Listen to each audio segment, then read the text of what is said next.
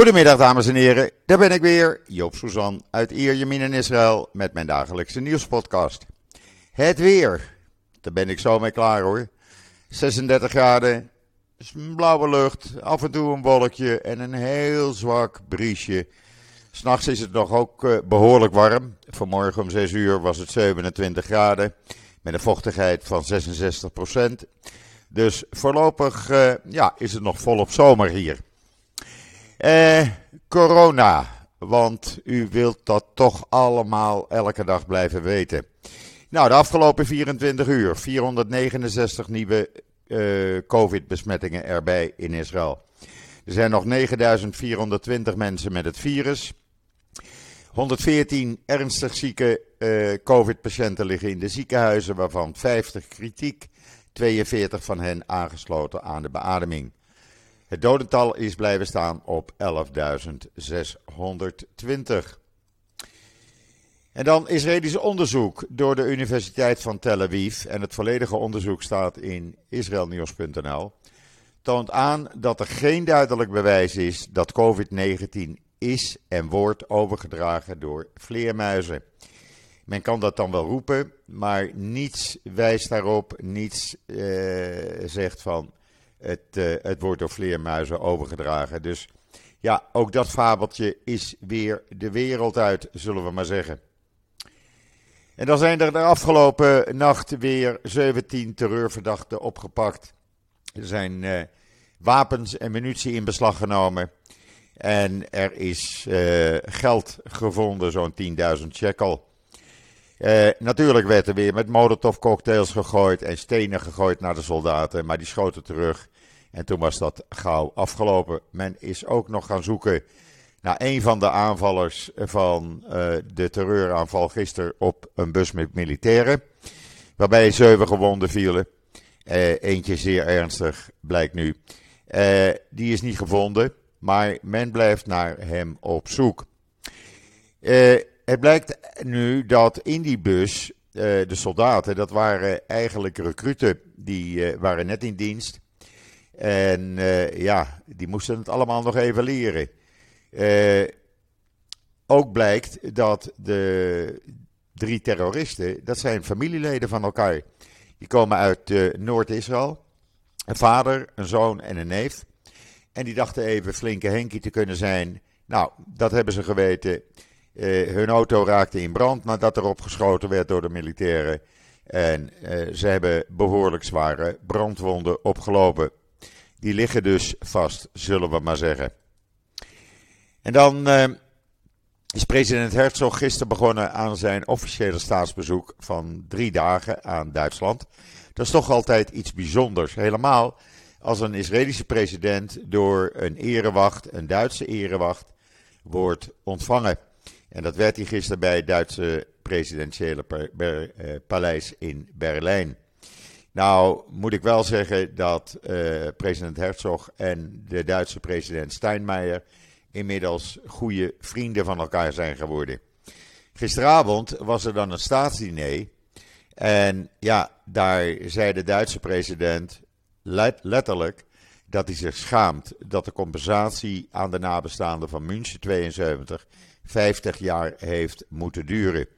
Hij zegt, ik schaam me diep. U kunt het allemaal lezen met foto's in israelnieuws.nl natuurlijk. Ja, en er staat alles natuurlijk hier in Israël zo'n beetje in het teken van de herdenking in München. Het is een afsluiting voor de familieleden, voor de nabestaanden. Een afsluiting na 50 jaar vechten, waarbij met name genoemd moeten worden Ankie uh, Spitzer, ook wel bekend bij u onder de naam Ankie Regges. Uh, en Ilana Romanov, die 50 jaar onverdroten zijn blijven strijden voor compensatie. De afgelopen jaren hebben ze hulp gekregen van het uh, ongelofelijke uh, advocaten-echtpaar Knoops, die enorm veel werk hebben verricht. En het ook, er ook voor, zorg, voor hebben gezorgd dat er dus nu een onderzoekscommissie komt die gaat uitzoeken hoe de Duitsers in der tijd de zaak bedonderd hebben, voorgelogen hebben en feiten hebben verdraaid. Want het blijkt toch allemaal anders te liggen als dat we altijd dachten. 50 jaar geleden, ik herinner het me nog. Ik, ik, ik weet nog hoe ik s'nachts aan die radio gekluisterd zat. Hoe ik op dat kleine televisieschermpje bij, uh, bij mijn ouders ging kijken. Ja, het was toch iets heel bijzonders. Echt, uh, dat vergeet je nooit meer, zo'n terreuraanslag.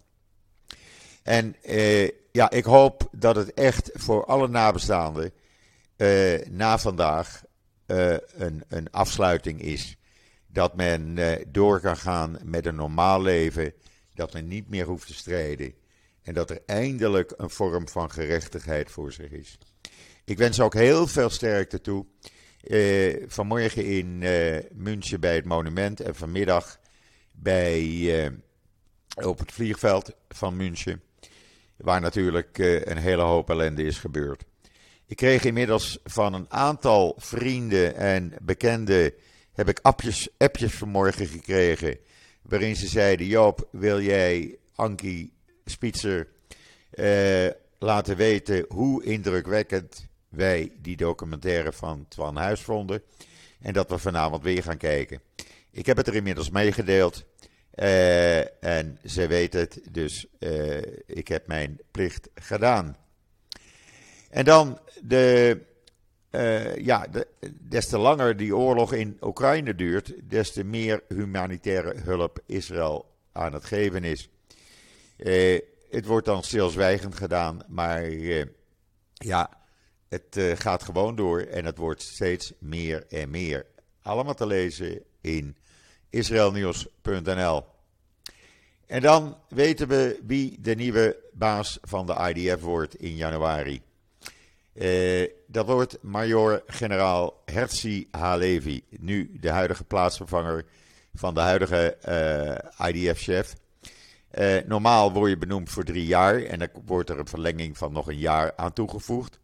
Nou, voor de huidige chef van de IDF, Kogavi, zit hij vier jaar erop in januari. En Halevi wordt de nieuwe en iedereen is juichend en lovend over hem. En ja, het schijnt dus een hele goede te zijn. Hij is parachutist. Hij heeft bij de commando's gezeten. En nou moet ik even de hond tot rust brengen. Even de hond tot rust brengen. Sorry, maar dat was even de hond. Die hoorde wat op de gang. Daar ging een deur met een enorme knal dicht. Ja, en dan, uh, dan is hij waaks. Uh, maar goed, ik neem het live op en ik doe dat niet in een studio. Daar heb ik het geld nog niet voor. Dus het moet maar even zo. Goed, we weten dus wie de nieuwe baas van de IDF is, uh, of wordt. En ja, daar is iedereen gewoon hartstikke blij mee. En dan even iets over de NOS. Want de NOS, die, ja, de laatste twee dagen, ze liegen er weer flink op los bij de NOS. Echt waar, ik weet niet waar ze het vandaan halen. Gisteren een uh, heel artikel over hoe Israël Gaza blokkeert en dat er niemand in en uit kan. Ze vergeten te melden dat er elke dag zo'n 15.500 uh, Gazanen in Israël werken dat er elke dag honderden handelaren uit Gaza naar Israël gaan, naar de Palestijnse gebieden gaan, hun handel verkopen en weer teruggaan. Dat mensen naar ziekenhuizen gaan in Israël. Dat wordt allemaal niet vermeld door de NOS. Nee, we gaan lekker Israël in discrediet brengen. En dat deden ze vanmorgen om half acht ook weer. Gisteren eh, had ik gezegd van die liefdesrelatie die dan gemeld zou moeten worden als een buitenlander verliefd werd op een Palestijn of een Palestijnse. Nou, dat werd uh, gisteravond onder grote kritiek alweer uh, uh, van tafel geveegd. Wat doet de NOS? Die komt met een groter kop vanmorgen om zes minuten voor half acht. Liefdesrelatie met Palestijn melden. Nee, NOS, dat schrijf je zelf ook in dat artikel namelijk, dat dat niet meer hoeft dan moet je niet de boel zitten voorliegen. Daarnaast, in dat huidige artikel van de NOS vanmorgen, komen ze met allerlei verzinsels over de nederzettingen, over de Westbank, over de bezette gebieden. Ze hebben de laatste tijd zoveel leugens rondgebazuind bij de NOS, dat ze zelf niet meer weten wat nu waar en niet waar is. Echt, die NOS, ik begrijp niet dat deze mensen eh, nog eh, verslag mogen doen. Dat ze nog het nieuws mogen brengen in Nederland. Want dat zijn een stelletje leugenaars eerste klas. En dan kunnen ze wel zeggen dat eh, eh, Israël de westelijke Jordaanoever veroverde, inclusief Oost-Jeruzalem in 1967. Nee, NOS, nee, meneer Ties Broks. In 1948, of in 1947 al, werd de westelijke Jordaanoever aan Israël toegewezen. Die werd in 1948 bezet door Jordanië. Israël heeft niets anders gedaan als hem teruggenomen. Zo zit het in elkaar en dat weten jullie ook. En nou eens ophouden met die leugens. Want ik word er kotsmisselijk van. Echt waar. Anders gaan we andere actie ondernemen. Want dit, mensen, dit kan gewoon niet. Je kan geen leugens blijven verkondigen. En dat is dan de Nederlandse staatstelevisie. Nou, ik vind het verschrikkelijk. Echt waar. Goed, ik zei u net al, uh, alles staat in Israël zo'n beetje in het teken van uh, München 72. En ja, ik vond een, vanmorgen een uitstekend hoofdredactioneel artikel van de Jeruzalem Post. Dat de massaslachting in München een afschuwelijke herinnering is aan de slechtste kant van het mengen van sport en politiek. En dat is gewoon zo. En daar heeft men nog niet veel van geleerd, want het gebeurt nog steeds eigenlijk. Lees dat uh, hoofdredactioneel artikel in de Jeruzalem Post, want ik vind het echt uh, uitstekend geschreven. En dan, ja, die Iran-deal, komt die er nou wel of niet? Nou, als het aan Iran ligt, komt die er gewoon niet. Want ze zijn vanmorgen met een nieuwe eis gekomen. En daarvan zeggen ze dat uh, het onderzoek door het atoomagentschap naar eventueel niet aangegeven geheime nucleaire sites, dat moet stoppen voordat er een uh, Iran-deal uh, wordt ondertekend. Nou, dan komt er toch geen Iran-deal. Want ik denk dat we wel willen weten hoeveel geheime nucleaire sites Iran heeft. En dan kunnen ze wel zeggen, ja, dat is een voorwaarde. Nou, dat is dan jammer voor ze. Dan maar niet. En dan ik heb het er al een paar keer over gehad. Er, komt, uh, er is hier een luitenant-kolonel geweest die het leuk vond om zijn vrouwelijke ondergeschikte onder de douche te gaan filmen. Nou, daar is hij voor gepakt. Hij wordt teruggezet naar de rang van soldaat. En er komt geen pleidooi, pleidooi-overeenkomst met hem. Dat is gisteren besloten. Geen pleidooi-overeenkomst. Hij kan eh, spijt betonen of wat dan ook. Hij wordt gewoon zonder overeenkomst veroordeeld. En dan vandaag is de baas van de Mossad onderweg naar Amerika. Dat heeft te maken met die Iran-deal om dat tegen te houden. Hij gaat meneer Biden en zijn eh, eh, regering nog wat eh, geheime gegevens laten zien. Eh, ondertussen hebben Iraanse hackers gisteravond medische gegevens waarvan men zegt dat het van uh, de mossad is, hebben ze online gezet. En ook een foto uh, uit 2016, toen hij meedeed aan een judo-toernooi.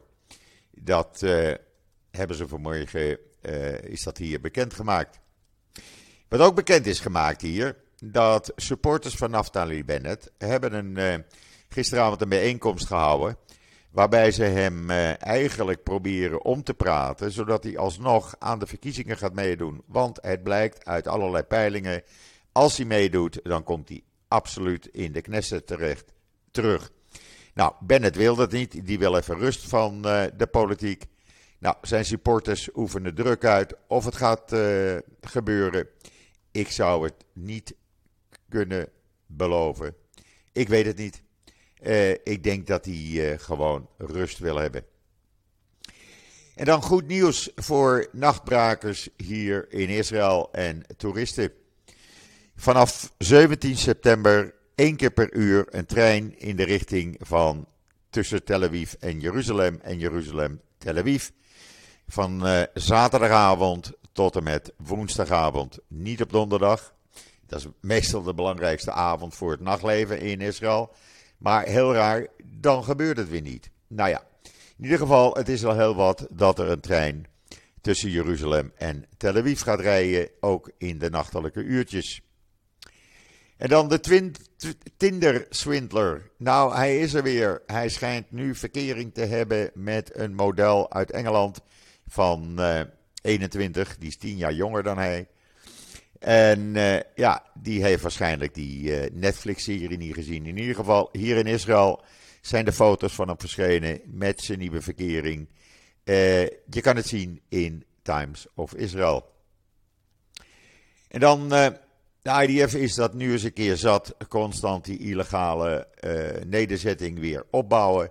En het heeft nu de kolonisten, de orthodoxe settlers, verboden om de illegale buitenpost Ramat Migran weer op te bouwen. Het is militair terrein geworden. Ja, op die manier kan je het ook doen. Dan uh, is het maar meteen uh, uh, verboden gebied voor iedereen. Want zo doe je dat. Maar elke keer als hij afgebroken werd, dan gingen ze hem weer opbouwen. Ja, je kan natuurlijk niet aan de gang blijven. En het moet nou maar eens een keer stoppen, zegt men bij het leger. En dan gisteravond zijn een vader en zijn teenagerzoon gearresteerd. Want die bleken namelijk de, de pro-Netanyahu stenengooiers te zijn. Die twee uh, anti-Netanyahu demonstranten grote brokstukken steen uh, uh, naar hun hoofden gooien. Waardoor ze het ziekenhuis in moesten om gehecht te worden. Maar die zijn opgepakt naar aanleiding van videobeelden. Sorry. En dan, uh, ja, iets wat mij wel opviel, moet ik eigenlijk zeggen. Het blijkt dat in België is het gewoon toegestaan op je kentekenplaat van je auto nazi-symbolen neer te zetten. Jawel, je kan gewoon HH88 op je kentekenplaat zetten. Dat is een uh, verwijzing naar de nazi-groet en de cijfercode voor die nazi-uitdrukking. Maar er was ook een, uh, uh, kentekenplaat met één ras 88, wat verwijst naar een ras wat zich vertaalt naar één ras. En dat mag gewoon. Er is geen verbod in België op uh, dit soort kentekenplaten. Want uh, ja, er bestaat geen wet tegen. Je mag gewoon op je kentekenplaat zetten wat je wil. En als dat dan nazi-symbolen zijn, ja, dat is even jammer voor anderen. Ik vind dat maar allemaal raar. Ik, uh, ik begrijp dat niet. En dan hebben ze in Oost-Jeruzalem een Arabier gearresteerd. Die het leuk vond om zijn 23-jarige dochter in de opslagruimte op te slaan, op te uh, sluiten. En haar daar vast te houden. Haar haar af te knippen. Haar te slaan, haar te mishandelen. Nou, ze hebben die dochter bevrijd en de vader zit nu vast. En dan, uh, ja, we zijn er nog niet, want Ben Gurion Airport gaat vanaf volgend jaar maart grote vliegtuigen uh, verbieden. Dat zijn hoofdzakelijk nog vrachtvliegtuigen, zoals de Boeing 747, de Airbus 340, de Airbus 380. Die worden eigenlijk niet meer voor passagiersvluchten gebruikt. Maar uh, de vrachtvervoerders mogen ze ook niet meer gebruiken richting Israël. Uh, ze komen er hier niet meer in. En waarom? Vanwege het milieu. Jawel, als je denkt dat Israël weinig aan het milieu doet. Nou, uh, ik vind dit toch een behoorlijke stap al. en dan is er gisteravond een Arabisch-Israëlische journalist in zijn auto doodgeschoten in Umm al Deze man, Najel uh, Ibaria, die stond bekend als een journalist die veel uh, verhalen schreef over de misdaad in de Arabisch-Israëlische samenleving. Nou, dat beviel mensen schijnbaar niet. En deze 44-jarige man is gisteravond in Umm al in zijn auto doodgeschoten. De politie is een onderzoek begonnen, maar ja, daar heb je die man helaas, helaas niet meer mee terug. En dan uh, lijkt het erop dat Israël uh, de onderzoeksresultaten naar de dood van die journaliste Shireen Abu Akleh binnenkort gaat vrijgeven onder druk van het Witte Huis. Uh, er is een onderzoek. Israël wilde dat pas vrijgeven als ook de kogel richting Israël kwam. Want de kogel die de Palestijnen gegeven hebben, dat blijkt niet de echte te zijn. En nou ja, dan weten we ook hoe dat weer in elkaar steekt en hoe dat zit. ja, nog even over die die busaanvallers gisteren. Want het verhaal, gaandeweg de dag, werd dat steeds raarder. Het is eigenlijk, komt dat weinig voor. Uh, ten eerste dat het Israëlische Arabieren zijn. Uit een gebied in de Galil, niet zo ver bij de kibbutz van mijn broer vandaan eigenlijk. Uh, waar Arabieren een prima leven, net zoals wij leven, goed geld verdienen en goed met Israëli's omgaan. Het blijkt ook dat uh, een van die uh, terroristen getrouwd is met een Israëlische vrouw. Uh, ja, dat, er klopt iets niet. Er klopt iets niet in dit verhaal. En men probeert die vader nu te vinden. Maar voorlopig heeft men hem, is hij nog niet gevonden. ze komen uit de stad Jadida Makkar. Dat ligt in het noorden van Israël. Niet zo ver bij uh, Haifa en uh, Naria vandaan. Uh, en men doet er alles aan om hem, ja, om hem te pakken. En men zal hem ook wel binnen te pakken krijgen een deze komende uren of dagen. Ja, en dan hebben we natuurlijk, ja, het, het, het, laat mij toch niet los. München 72. Ik, ik blijf het iets heel bijzonders vinden. Eh, het was eigenlijk ook een van de grootste, eerste grootste internationale terreuraanslagen die wij eh, hier meemaakten in Europa. En ja, het was nog niet zo dat het nieuws zo snel ging als dat het nu ging. En al die leugens die dan nu door de Duitsers blijken te zijn verteld, ja, die werden toen voor waar aangenomen. Ik weet nog dat er toen gezegd werd dat de gijzelaars allemaal vrij waren op het vliegveld. Toen bleken ze al dood te zijn.